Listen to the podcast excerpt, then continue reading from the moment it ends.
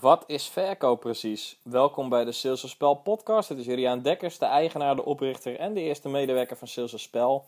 En gisteren heb ik de eerste aflevering op internet gezet van Sales Spel TV. Het is een experiment. Het is kijken hoe het bij mensen valt. Sommige mensen die kijken liever en die eh, zien toch aantekeningen liever dan dat ze luisteren. Dus dat is de reden dat ik het doe. En als je dingen ziet en ook kan luisteren, dan sla je het ook beter op en dan gaat het beter in je onbewuste. En als je dan in zo'n situatie komt waarbij je het nodig hebt, dan komt het naar boven. En dat kan net het verschil maken in uh, als je bijvoorbeeld een uh, afspraak maakt, of als je bijvoorbeeld een uh, voorstel stuurt, of als je bijvoorbeeld een factuur stuurt, of als je midden in een gesprek zit, in een moeilijk gesprek of een lastig gesprek met een potentiële klant.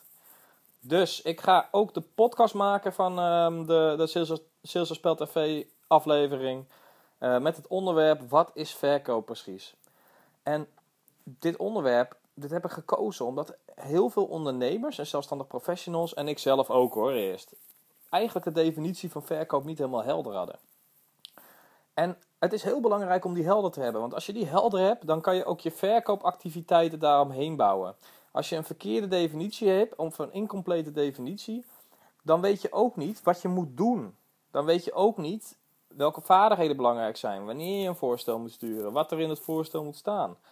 Om uiteindelijk te verkopen of uiteindelijk die definitie in de praktijk om te zetten. Dus dat is de reden dat ik dat uh, doe.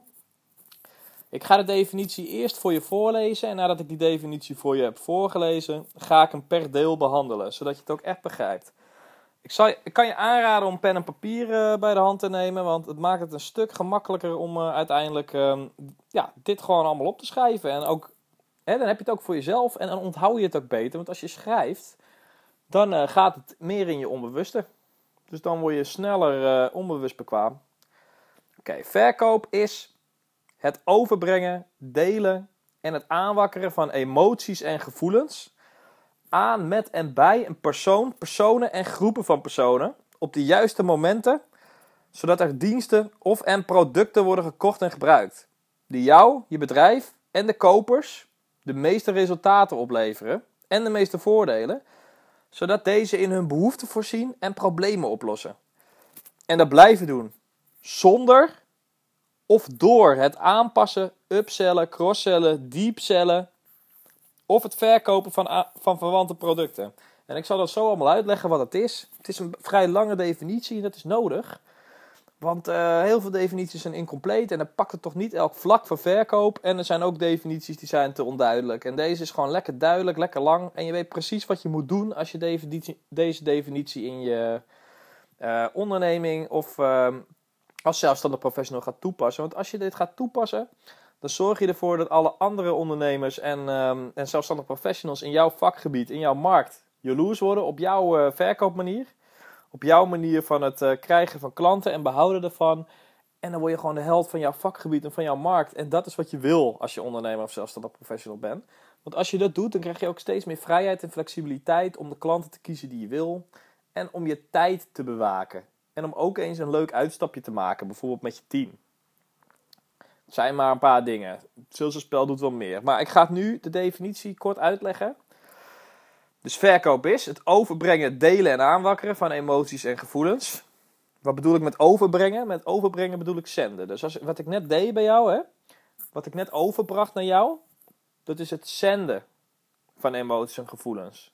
Want ik heb jou gezegd, als je sales spel gaat toepassen, dat andere ondernemers en zelfstandig professionals in jouw vakgebied of markt dan jaloers worden. Omdat je zo effectief bent. Dat geeft jou een bepaald gevoel als je daaraan denkt. Het delen, dat is weer wat anders. Het delen, dat is bijvoorbeeld als je een verhaal vertelt. Dus als ik jou vertel dat ik vroeger in de winkel stond en ik sprak mensen aan en het, uh, ja, de gesprekken vlotten niet echt. Ze waren wel enthousiast, maar nou, er was toch veel weerstand bij die klanten en het lukte gewoon eigenlijk helemaal niet. Dus ik ging naar huis, ik ging uh, boeken lezen, films kijken over verkoop, uh, podcast luisteren over hoe je dat nou precies wou, wilde doen. Want ik was het helemaal zat. Ik was het helemaal zat. Het werd gewoon echt vervelend. En ik wilde gewoon echt dat ik daar beter in werd. En op een gegeven moment viel het kwartje. Ik wist wat ik moest doen. Namelijk niet gelijk vertellen over producten en dergelijke. Maar ook echt vragen stellen aan klanten. Zodat ik wist wat hun behoefte precies was.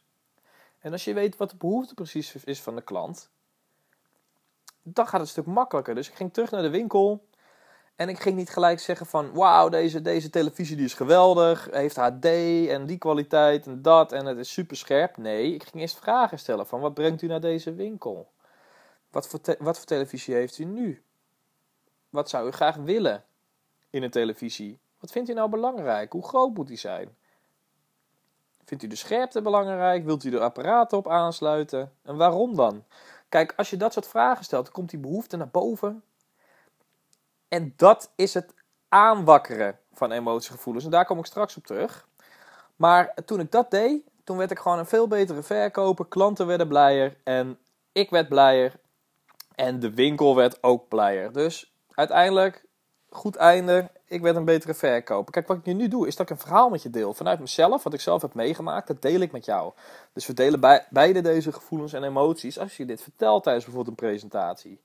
Het aanwakkeren van emoties en gevoelens is wat ik net in mijn verhaal heb verwerkt. Dus als jij vragen stelt aan je klant, dan komt bij die klant steeds meer naar boven wat hij echt wil. Hè? Want heel veel klanten komen een winkel in, die weten eigenlijk niet echt precies naar waar ze op zoek zijn. Ze weten misschien wel dat ze een tv willen, maar vaak weten ze niet wat nou echt belangrijk voor ze is in die televisie. En als je vragen stelt, dan komt het naar boven. Dan komt die echte behoefte, die latente behoefte, die komt naar boven. En dan krijgen klanten dan meer emoties en gevoelens bij. En dan kopen ze ook snel jouw product. Nou, aan, met en bij een persoon, personen en groepen van personen.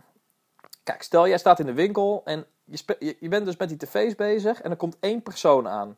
De persoon is een single man en die single man die wil gewoon heel graag die televisie hebben. Die super scherp is, super mooie kleuren heeft en waarop hij heel goed gamen kan. Nou, dan weet je precies wat zijn behoefte is. Heel makkelijk te verkopen. Maar stel die single man die komt over een jaar weer en die wil een nieuwe televisie, maar hij is niet meer single. Hij heeft een vrouw.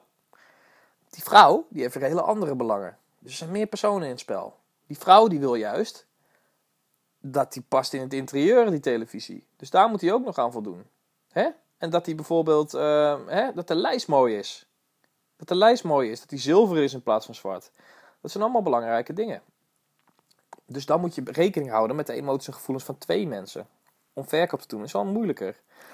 En het wordt nog moeilijker lastiger als je groepen van personen aan wil spreken. Als jij bijvoorbeeld een presentatie houdt binnen een bedrijf en je hebt een ICT-oplossing die ervoor zorgt dat ze hun processen beter kunnen stroomlijnen binnen het bedrijf, dan ga je die presenteren aan een CEO, aan een HR-manager, aan een gebruiker, dus iemand die het gaat gebruiken, aan een techneut die er verstand van heeft. Nou, die CEO die is beslissingsbevoegd, die HR-manager die, uh, die wil gemak en controle over de processen. En die techneut die wil vooral weten of het echt werkt voor het bedrijf en wat de technische aspecten zijn. Die gebruiker die wil gewoon dat het voor hem of haar werkt. Dan moet je dus die presentatie richten op al die mensen. Dus al die, elke sheet, elk ding wat je zegt, uh, moet gericht zijn op zowel die CEO die gaat tekenen als die gebruiker die het gaat gebruiken. Want achteraf, hè, gaan mensen ook met elkaar praten. Dus gaat de CEO vragen aan die gebruiker: uh, zie je er waarde in? Zou je dit echt gaan gebruiken? Als die gebruiker zegt van, uh, ik weet het niet, ik heb er wel mijn twijfels over, ja, dan gaat hij ook niet tekenen, die CEO. Dus daar moet je je op richten, belangrijk. En het is ook belangrijk dat je dat op de juiste momenten doet. Dus op de juiste momenten. Als ik jou nu Sales Spel ga verkopen, ik vertel je wat de prijs is van Sales Spel, dat is nog niet het juiste moment. Want ik ben nu een bedrijf aan het opbouwen. Product is nog in ontwikkeling. En het is belangrijk dat jij eerst de podcast gaat luisteren, de video's gaat bekijken die ik heb, zodat je al tips en waardevolle dingen kan gebruiken. En dan begin je ook steeds meer vertrouwen te krijgen in sales spel en connectie. Dan krijgen wij steeds meer connectie en dan komt er op een gegeven moment, als het zover is, komt er wel een moment waarop we verder gaan praten. En als we verder gaan praten, kunnen we altijd kijken wat we voor elkaar kunnen betekenen. Het is niet in één keer uh, dat, dat je zo snel naar uh, een, een, verkoop kan gaan. En het is ook helemaal niet prettig. Want als je te snel gaat naar een verkoop, kan er ook voor zorgen dat klanten niet bij je terugkomen. Dus je kan het beter langzaam opbouwen. Beter in babystapjes opbouwen. Waarom? Omdat er dan diensten of producten worden gekocht en gebruikt. Uh, dienst is bijvoorbeeld een training. Hè?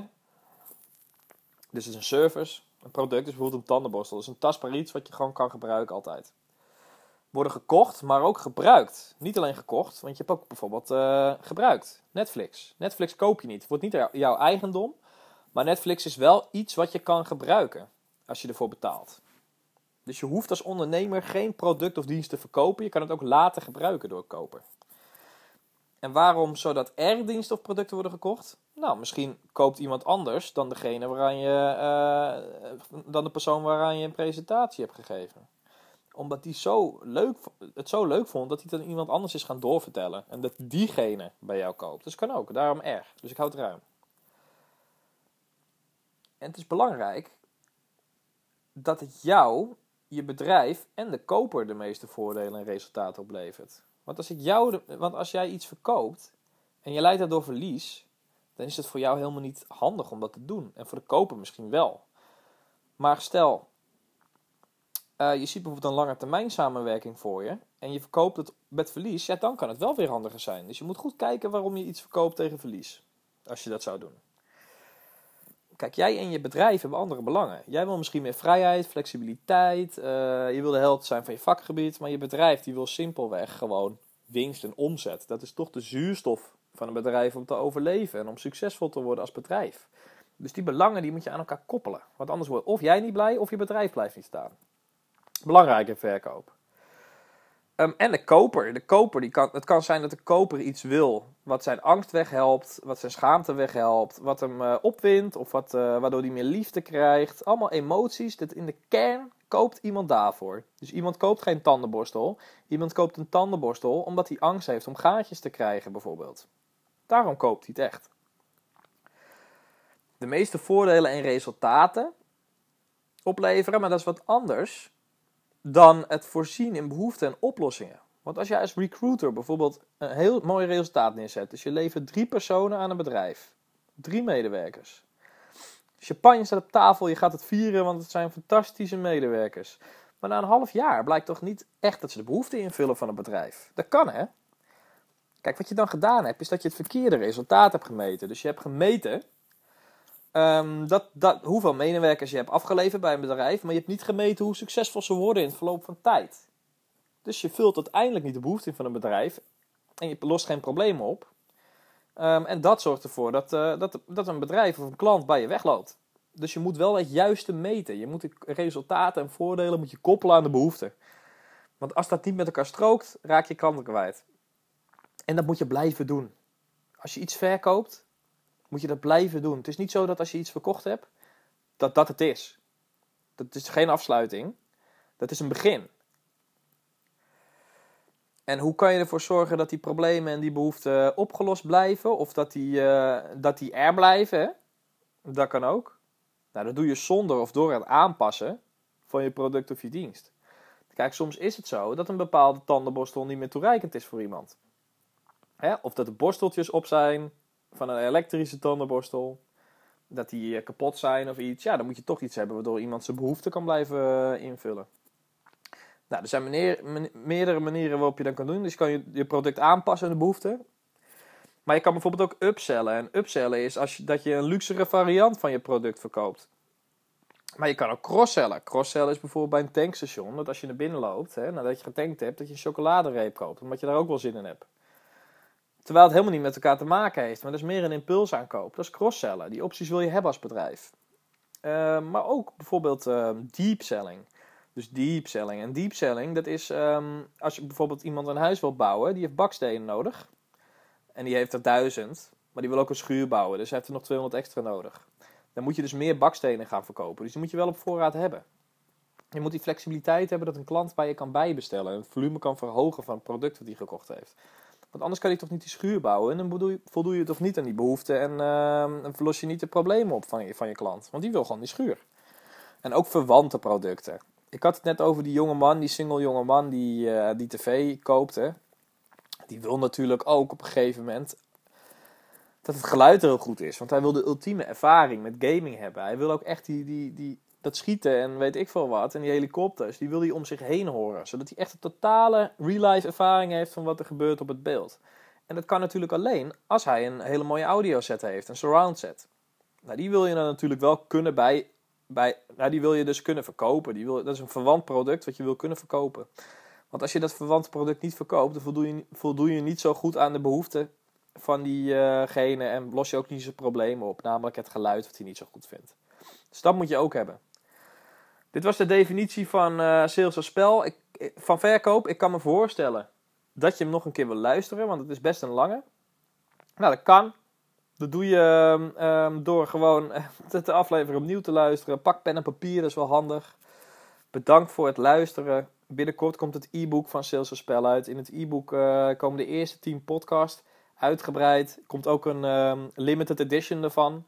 Die bevat illustraties, zodat je nog beter gaat begrijpen wat ik bedoel. Um, met bepaalde situaties. En zodat jij echt de held kan worden of blijven van je vakgebied of van je markt. En al die andere ondernemers jaloers maakt met hoe goed jouw sales in elkaar zit. En dat is natuurlijk wat je wil. Dus blijf de podcast, uh, blijf Sales TV volgen. En we spreken elkaar de volgende keer. Dankjewel.